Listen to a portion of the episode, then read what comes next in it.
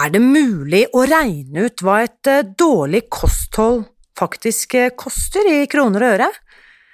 Eller er det mulig å lage en beregning basert på det gjennomsnittsnordmannen faktisk spiser og drikker? Det skal forbrukerøkonom Derja Insedursund gi oss svar på i dag.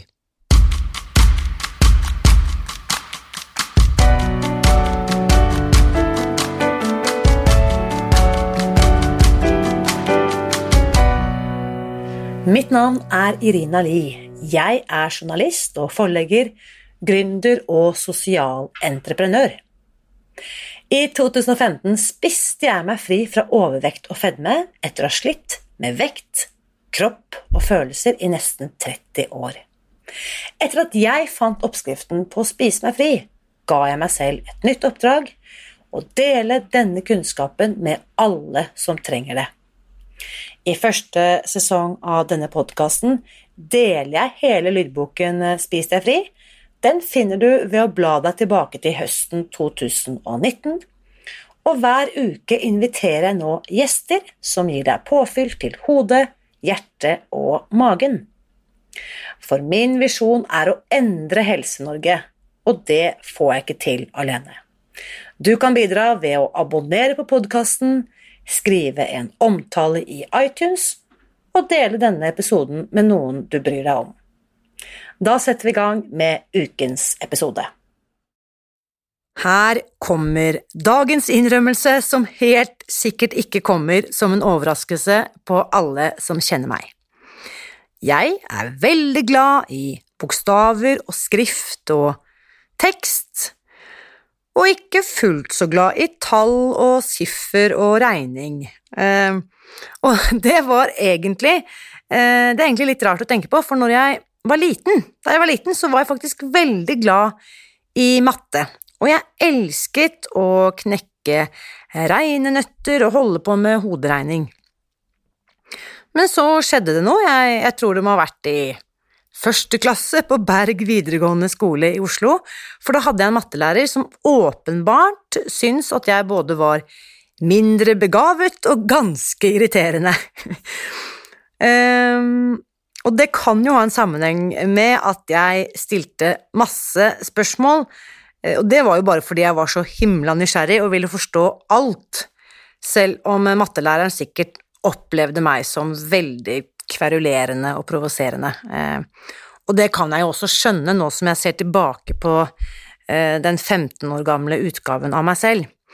Uansett, resultatet av det, når jeg da ikke fikk svar, så mistet jeg rett og slett motivasjonen til å lære alt som hadde med tall og matte å gjøre, og jeg sluttet med eh, matte etter første gym og jeg fant ut at jeg egentlig klarte meg helt fint med alt det grunnleggende som jeg hadde fått med meg fra grunnskolen, nemlig pluss, minus, gange og dele. Likevel, eh, i løpet av de siste årene så har jeg innsett at jeg at jeg faktisk kan finne glede i både tall og prosentregning når jeg bruker det på områder og spørsmål som jeg interesserer meg i. For eksempel eh, dette som har med bedriftsøkonomi å gjøre, det å lese statistikk som er relevant i forhold til helse, eller alt som handler om privatøkonomi og forbruk. Og like før jul, altså i 2020, da butikkene fortsatt bugnet av eh, Not My Food på alle kanter, som riktignok var på tilbud, eh, men som likevel er produkter jeg aldri ville ha blitt fristet til å kjøpe uansett hvor billig de hadde vært, da begynte jeg eh, å lure på um, Er det mulig, mon tro, å regne ut hva et dårlig kosthold faktisk koster i kroner og øre, basert på det Kari og Ola Nordmann stapper i seg av sukker, brus, marsipangriser, bakevarer, hurtigmat, bensinstasjonpølser, alkohol, brennevin eh, og andre nytelsesvarer gjennom et helt år. Da kan jeg jo avsløre at det har ikke vært lett å finne noen som kunne gi meg dette svaret, men som den nysgjerrige eh, journalisten jeg er, så gir jeg meg jo ikke, eh, og til slutt så fant jeg altså Derja Insedursund, som er forbrukerøkonom i Nordea, og hun kunne gi meg svaret. Her er ukens gjest. Kjære Derja, tusen takk for at du ville være med på podkasten. Velkommen eh, hit som ukens gjest. Tusen takk. Hyggelig å få lov til å være med. Før vi setter i gang Vi har jo ikke møtt hverandre før, så dette er første gang vi ser hverandre sånn på Zoom, da. Eh, jeg på hjemmekontor nå har jeg inntatt eh, soverommet til datteren min for å finne en stille krok denne travle ettermiddagen. Og når dette sendes, så er vi jo helt i starten av 2021. Driver du med nyttårsforsetter? Ja, jeg gjør det. Eh, det gjør jeg hvert år. Eh, og så prøver jeg å være sterk nok til å kunne holde de, da. ja, det er jo det som ofte er utfordringen.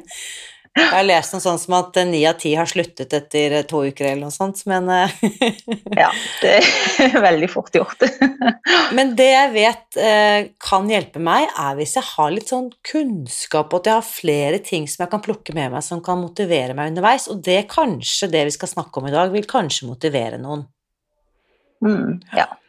Og det er, det er, det å ha god nok informasjon til å forstå hvorfor man faktisk setter disse forsettene, f.eks. For eksempel.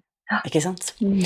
Og fordi at det det skal handle om i dag, som det gjør for så vidt veldig mange ganger på denne podkasten, skal jo handle om å ta kloke valg for egen helse, øh, livet sitt, og i dag også lommeboken, for vi skal altså se litt inn på det, Når jeg tok kontakt med deg på, på Facebook for noen uker siden, så spurte jeg deg sånn er det mulig å regne ut hva et dårlig kosthold faktisk koster? Mm. Og det har du faktisk klart, og det skal vi dykke inn i i dag. Men før vi kommer dit, så må vi bare høre litt mer om deg, Derja. Hva, hva er bakgrunnen din, og hva gjør egentlig en forbrukerøkonom? Ja, eh, jeg jobber da i Nordea, forbrukerøkonom der. Ehm, jeg er òg eh, advokat. Ehm, så det en forbrukerøkonom gjør, det er å gi råd og tips om privatøkonomi. Altså f.eks. hvordan man skal investere pengene sine, hvordan man skal spare inn. Eh, og i og med at jeg da òg har den advokatbakgrunnen, så gir jeg òg litt råd og tips om ulike juridiske temaer. F.eks. Eh, skrive testament, eller forbrukerrettighetene dine. Hva er det? Så mm, Oh, nå får jeg sånn med en gang eh, Du ser meg jo eh, litt sånn høye skuldre, fordi som kvinne, snart 45, midt i livet, burde ha sikkert tatt masse sånne kloke beslutninger om å tenke på alderdommen og uh, alt dette her. Og som selvstendig næringsdrivende, som jeg også vet at mange som lytter til denne podkasten, helt sikkert er i samme situasjon, Um, kan jeg da gå i banken og snakke med en forbrukerøkonom for å få noen gode tips om hvordan jeg bør planlegge disse greiene her? Ja, du kan ikke gå til banken og be om å få en time med en forbrukerøkonom. Men Nei. det du kan gjøre, er eh, at du kan ta kontakt med banken din og be om å få en time med en rådgiver. Um, og om det er sparing til pensjon, uh, om du skal plassere penger i aksjer, kjøpe fond, uh, så er det mulighet for å kunne ta kontakt med en, en rådgiver i banken. Sånn at mitt arbeid er ut i media. Uh, blant annet, og så skriver jeg så klart en del artikler på temaer som da er viktig, og som engasjerer de fleste. Og så legges det da ut på uh, f.eks. Uh, våre sosiale kanaler. Uh, ikke sant? Mm. Så den kunnskapen du har, den bruker du sånn som i dag til å formidle ut til et større publikum? Ikke én til én, men rett og slett sånn som du er inne på gjennom Og det har jo sett deg flere ganger på TV 2 og lest deg sant, i diverse medier og sånne ting, så mm. Mm. Veldig men jeg, gitt, men jeg har gitt den anledningen. Har, på min Instagram-konto så kan du ta, eh, sende meg en direkte melding der hvis du har spørsmål om uh, dine forbrukerrettigheter, om arv, testament, eh, samboeravtaler, så kan du faktisk ta kontakt med meg der og, og stille meg direkte spørsmål. Og det og er nå, ikke sant? nå har jeg begynt å følge deg her. Det er rett og slett fornavnet ditt, etternavnet ditt, eh, på Instagram. Det er Linse Dulsund, og som også folk kan finne i denne omtalen av denne episoden. Fantastisk. Det er så kult når kompetente mennesker som deg gjør kunnskapen din tilgjengelig. Så på vegne av vanvittig mange så må jeg bare si tusen takk for det. så hyggelig. Takk. Virkelig. Eh, og det vi skal snakke om i dag, nemlig eh, hva er prisen av et dårlig kosthold? Det kan jo kanskje mange forestille seg. Vi kan jo regne kostnad på mange nivå. Vi kan jo tenke helsekostnader, levekår, eh, selvfølelse, mestringsfølelse, alt dette her. Hvis jeg stapper i meg eh, bare drittmat, for å si det bokstavelig talt. Men det er ikke det det skal handle om i dag. Vi skal faktisk se på kostnad i kroner og øre. Er dette et regnestykke du hadde sett på før jeg tok kontakt med deg? Har du noen gang eh, regnet på det, på det beløpet, dere? Nei, jeg skal være ærlig og si nei. Eh, det har jeg ikke. Altså, jeg har regna litt sånn gjennomsnittlig eh, sånn generelt da, hvor mye man bruker på mat. Men, men nå har jo jeg gått litt mer i dybden og henta frem en rapport som er veldig relevant i, i denne sammenheng. Fantastisk. Eh, ja. Mm. Så um, da skal vi rett og slett, uh, for deg og meg, så skal vi ikke sant, uh, se på de tallene som du allerede har uh, hentet frem her. Mm. Um, og så for dere som lytter til denne episoden, bare begynn å tenke litt uten å gå inn i kontoskriften, men bare tenk litt sånn for din egen del. Hva tror du at du bruker på mat i måneden? Eh, og så har vi noen tall som vi skal referere til, som er det som myndighetene eller faginstansene regner ut at du liksom bruker, men hva tipper du selv? Ehm, vi, vi henviser her eh, litt senere til SIFOs eh, standardtall, da. Jeg vet for min egen del, jeg har regnet på dette før, nemlig. Jeg ligger ikke innenfor den der SIFOs gjennomsnittsforbruker. Mm. Eh, hvordan ligger du der?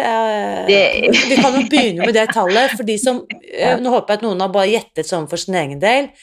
Hvor mange tusenlapper snakker vi om, hvis du tenker det tallet, referansetallet vi skal ha her, hvor mange er det de har regnet inn her, da? Per person, er det det, eller skal vi se? Mm, ja. Uh, altså det er Jeg vil tro at det er veldig mange som ikke holder seg innenfor det budsjettet der. Ehm, jeg har jo så klart tatt en beregning på mitt eget forbruk flere ganger tidligere. Ehm, sånn at det er Hvis man ikke er bevisst på hva man bruker, eh, så tror jeg at det er ikke mange som, som er innenfor der. Nei, ikke sant? Ehm, nei. SIFOs budsjett har altså anslått kvinne 31 til 50 år, én kvinne. Eh, mm. Månedlige utgifter til mat og drikke er altså 3090 kroner. Dette er et såkalt referansebudsjett, altså det som viser hva det koster å leve på et akseptabelt for forbruksnivå, eh, som det står i definisjonen. 3090, hva tror du? Ligger du over eller under? Eh, noen måneder så ligger jeg eh, så ligger, kan jeg ligge der. Um, noen ganger ikke. Uh, det kommer an på meg. Uh, får litt besøk fra familie og venner fra f.eks. Stavanger, og da blir det litt ekstra kos. Så da, mm. ja. Da er det lett å mm. I det beløpet, er det da inkludert kafébesøk? Vet du det? Kafébesøk og restauranter det er, og Det er det ikke.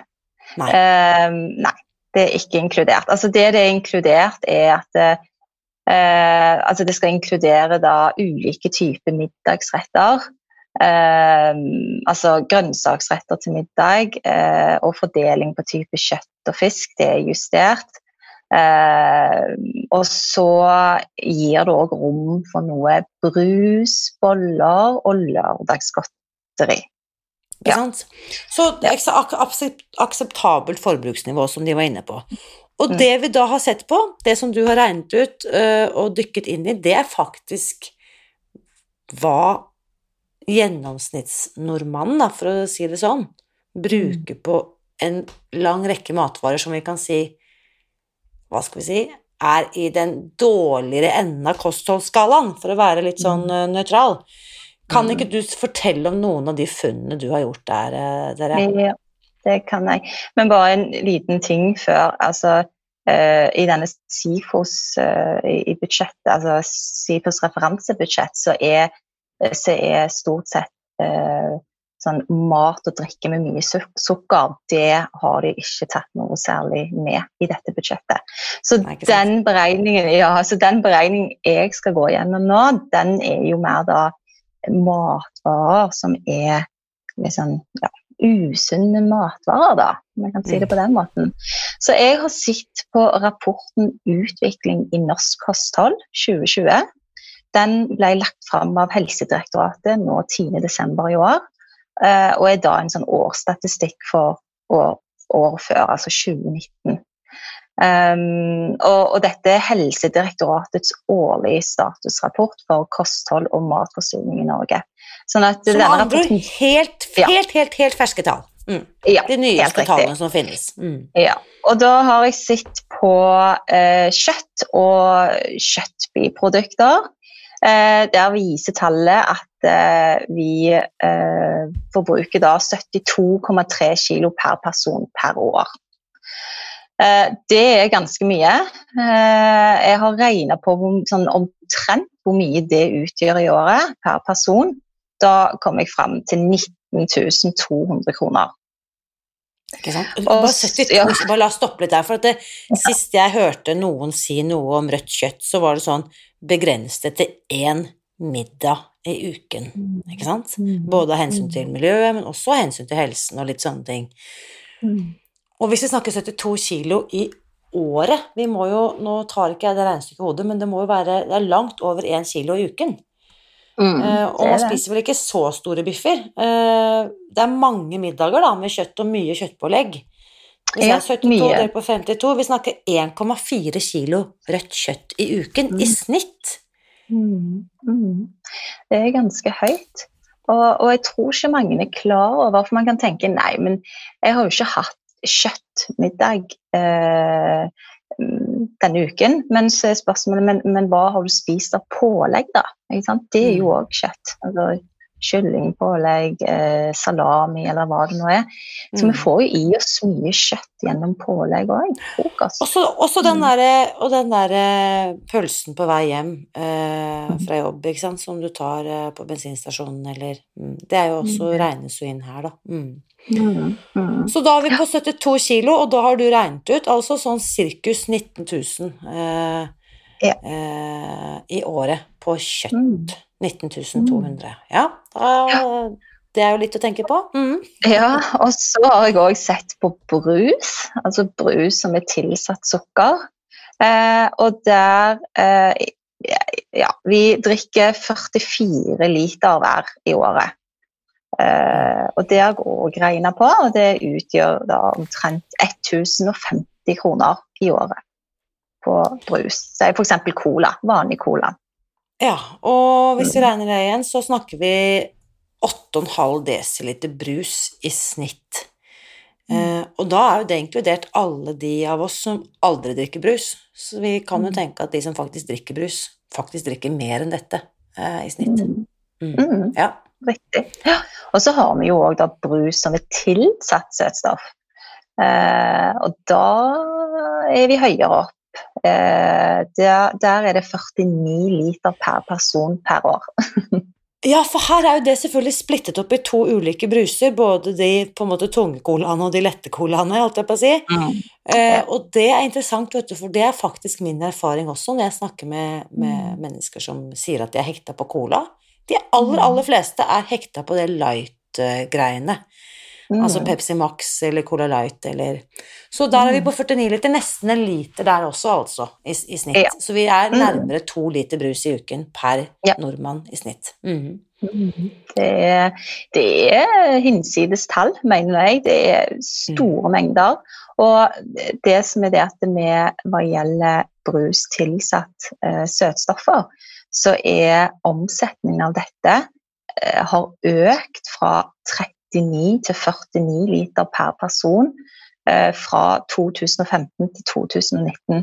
Så i år så er det for første gang større Altså omsetningen av brus tilsatt søtstoffer er større enn omsetningen av vanlig sukkerholdig brus. Men da, dette, helt, dette, tallet har jeg aldri hørt noen si før. Du sier at det har mm. økt fra En gang til, fra hvor mye? Fra 39 liter til 49 liter på eh, fire år, da. På fire år. Fra 2015 til 2019. Og da snakker vi en, tre, altså fra 40 liter til nesten 50, da. Ikke mm. sant? Så vi snakker en 25% økning på fire år. Mm. Mm. Og lettprodukter På Pepsi Max, for eksempel. ja, ikke sant. Pepsi Max, som mange mm. kan eh, relatere til. Um, men dette er jo produkter som hadde vært introdusert i 2013, så hadde man jo på en måte skjønt det. Men dette kom jo for mange, mange år siden. Og da lurer jeg på, har du da sett på om det har gått på bekostning av den sukkerholdige brusen, eller har det faktisk vokst totalt? Vet du det? Ja, altså det har jo eh, Jeg ser at eh, den sukkerholdige brusen den har gått noe ned.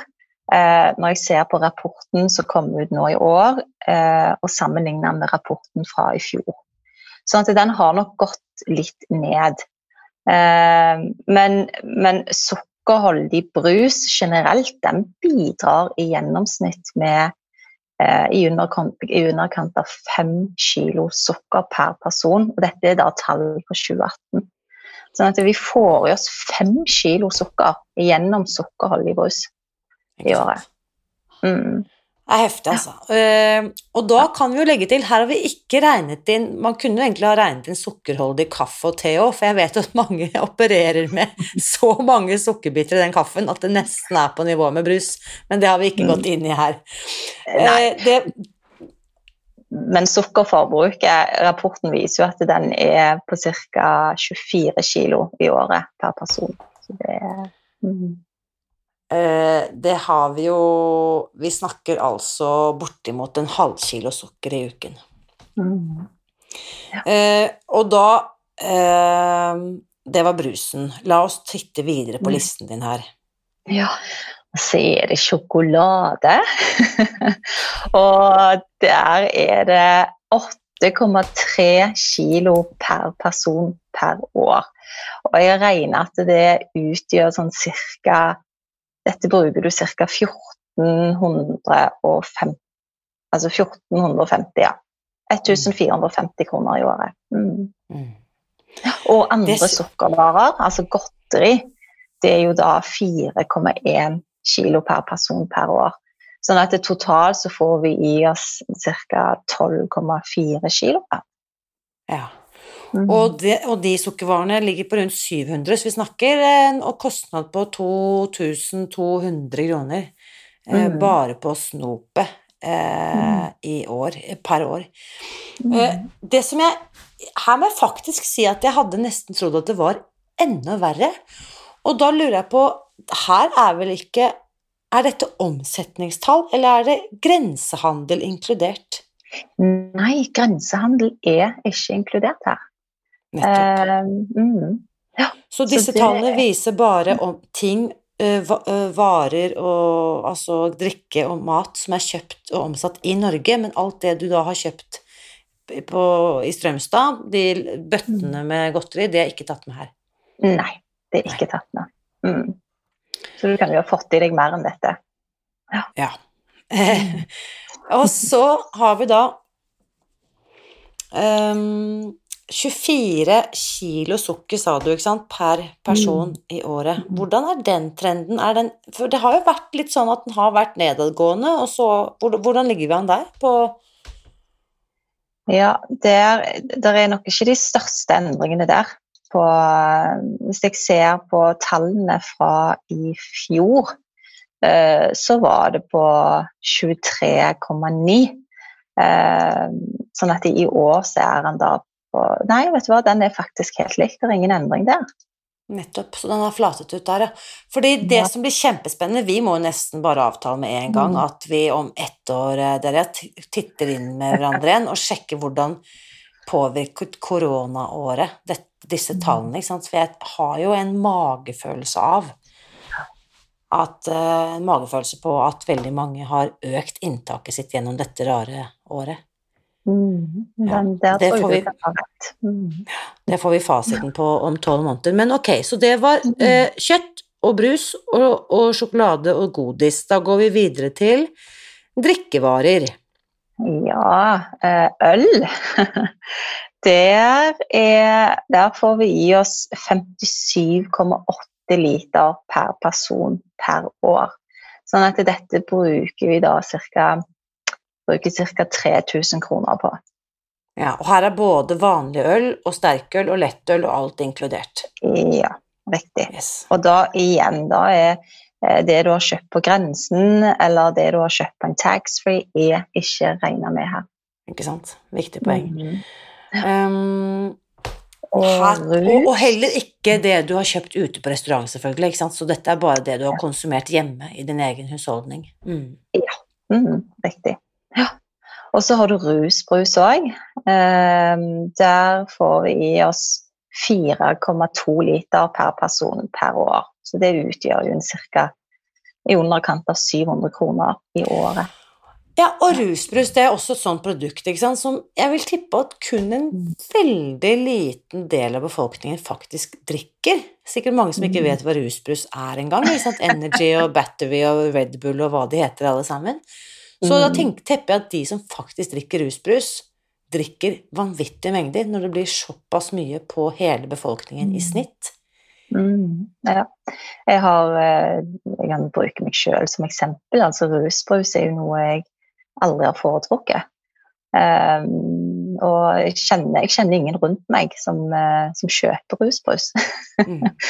Så mm, Nei, de jeg kjenner er typ niese, eh, nevøer, sønner og døtre av venner og bekjente som eventuelt liksom har det i sin eh, eh, De er kanskje pluss minus 20, liksom. mm, mens mennesker på min egen alder har aldri sett voksne drikke rusbrus, holdt jeg på å si. Mm. Nei. Mm, riktig. Men vin, derimot, det Der er Der er det høyere.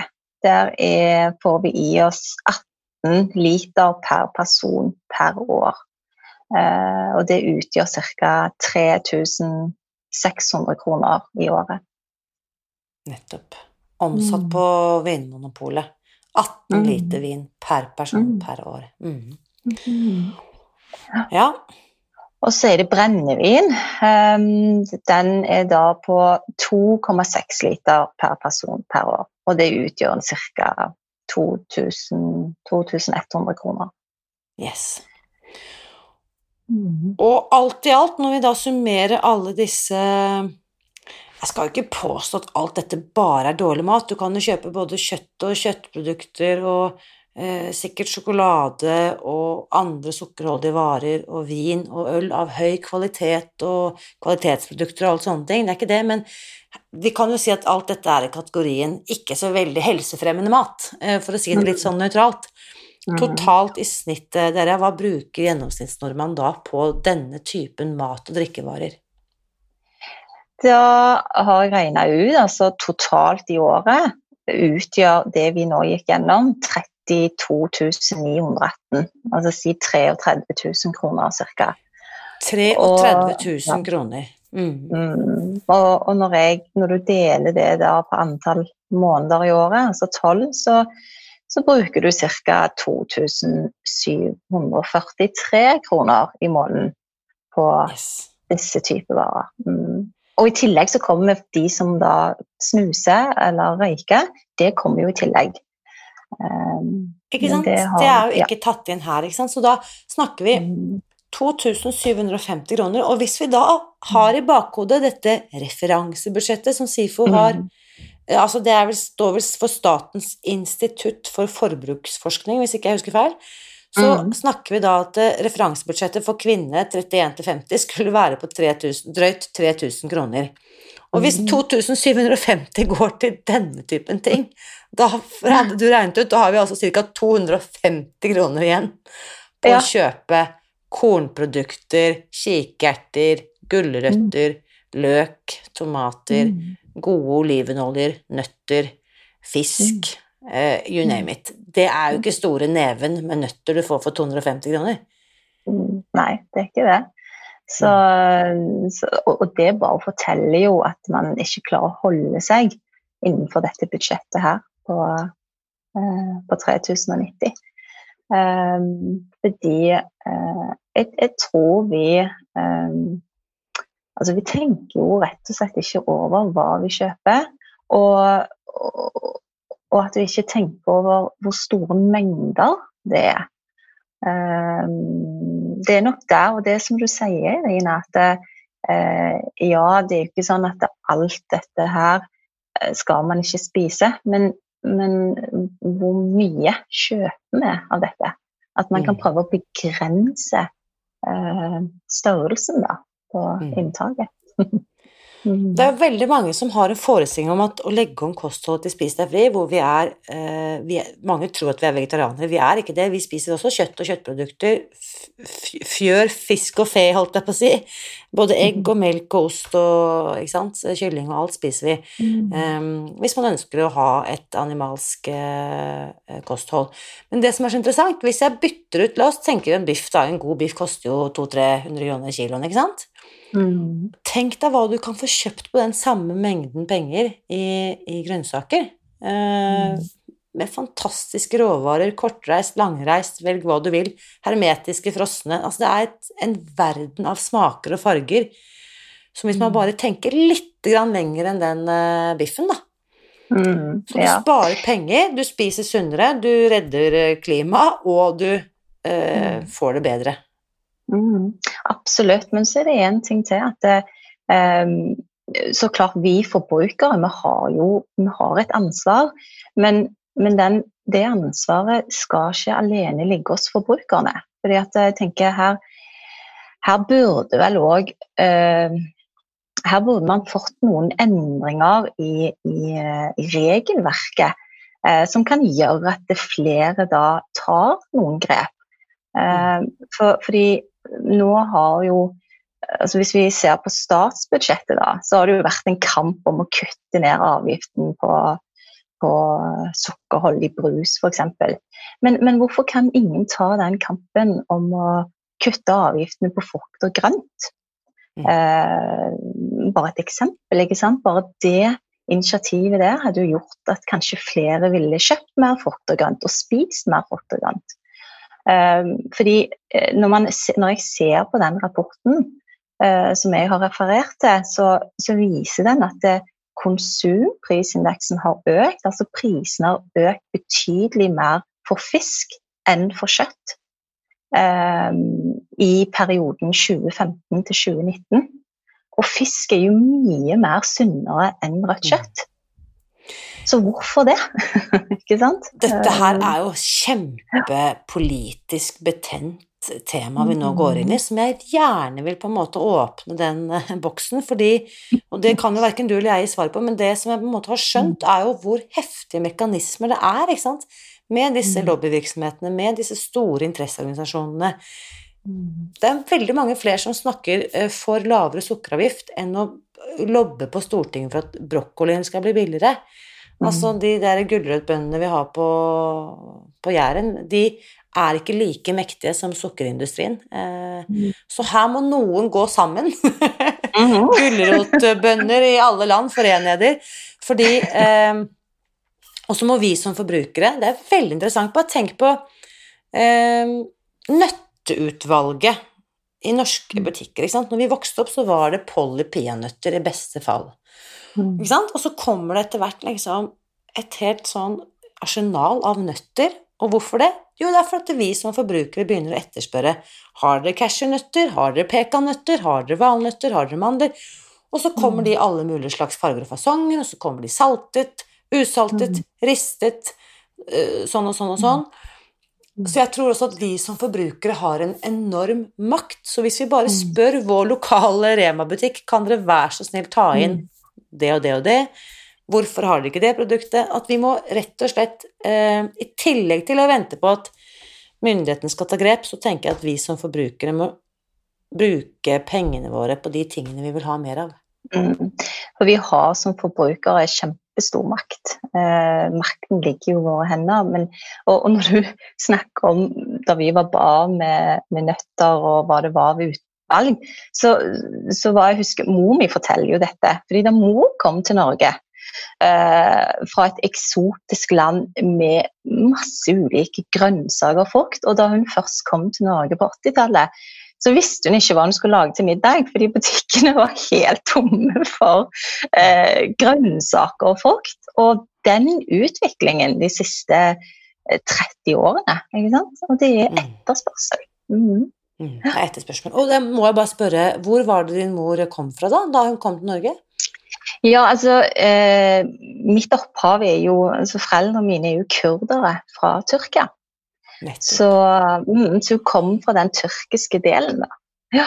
Og det er jo interessant, for man tenker da kanskje Tyrkia eh, på 80-tallet må jo ha liksom ligget langt tilbake i forhold til Norge, men kanskje ikke når det kommer til matkultur og mattradisjoner. Det kan jeg ganske sikkert underskrive på. Hvordan, i ja. hvert fall de delene av eh, både Nære Østen og Mellomøsten og alle deler egentlig av alle deler av verden jeg har vært i, så er jo de fleste land ganske mye mer avansert på både å bruke alle råvarer Altså, vi bruker bare biffen, ikke sant, mens eh, reis ut i verden, der bruker de hele dyret fra liksom Jeg har spist oksekinn, eh, grisehjerter, kuhaler eh, frosk, Altså, hva er det jeg ikke har spist, ikke sant? Mens i Norge så bruker vi liksom en spitt en, en hundrendedel av, av dyret. Og mm. resten blir til pølse eller noe sånt. Mens mm. det er jo også Tyrkia fantastiske mm. mattradisjoner. Så jeg skjønner at Norge ja, ja. har vært litt fortvilet. ja, han visste ikke hva han skulle servere til middag. mm. Nei, det, det, skjer jo ting, det kan vi trygt slå fast. Og jeg tenker at mm. uh, vi må pushe på, altså at myndighetene uh, tar disse Akkurat sånn som du sier, bruker hva de kaller det, sunn skatteveksling er dette rare, fremmedartete ordet som egentlig ingen skjønner hva betyr. Men kreve at de fjerner momsen på frukt og grønt, mm. Mm. som Kiwi har vært en forkjemper for. ikke Det, det mm. syns jeg de fortjener fremsnakk på.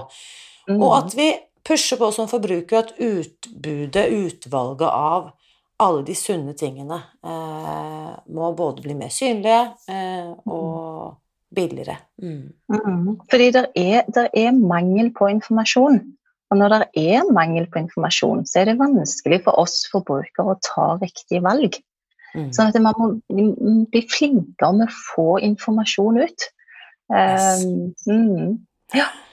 Ja, men Fantastisk å liksom stå skulder ved skulder sammen med deg dere i denne lille sammenhengen og faktisk si at hvis du er mest styrt av lommeboken i 2021, og i så fall tenker jeg det er, det er en sunn måte å styre livet sitt på, å tenke hva er mest økonomisk, så har du nå fått fantastisk mange gode argumenter for å spise grønnere, sunnere og hva skal vi si lettere i året som kommer.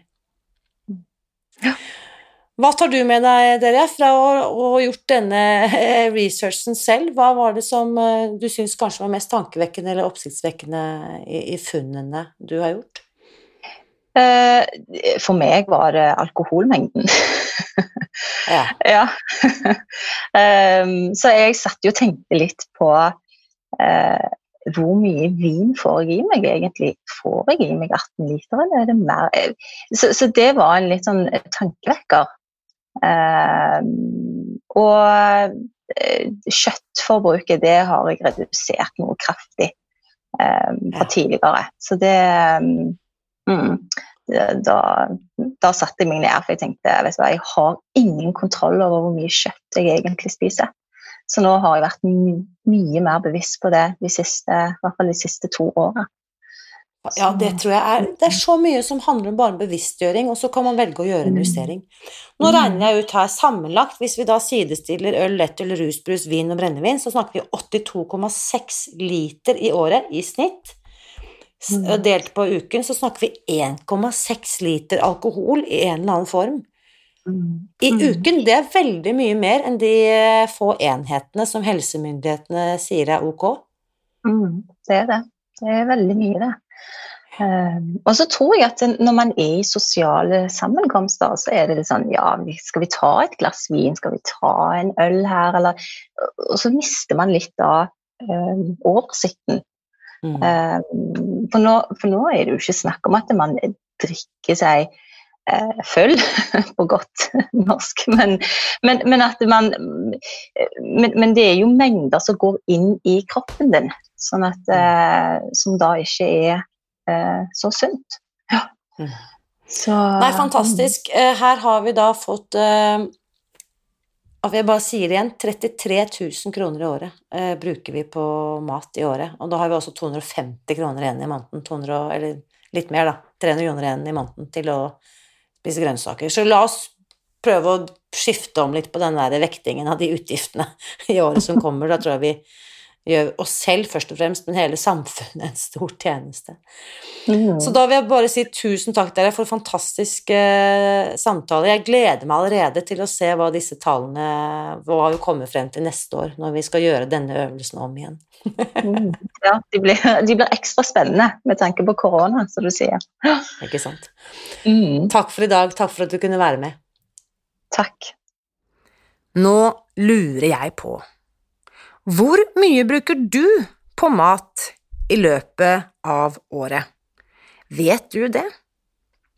Og det er faktisk ikke så vanskelig å finne ut, uh, finne ut, av hvis du logger deg inn i nettbanken din og sjekker kontoutskriften for hver måned det siste året. Det vil jo kanskje ta deg en halvtime eller sånt, da. Så kan du faktisk ganske enkelt plusse sammen alle utleggene du har hatt, hos eh, Rema, Coop og Mega og Kiwi eh, for å finne det svaret.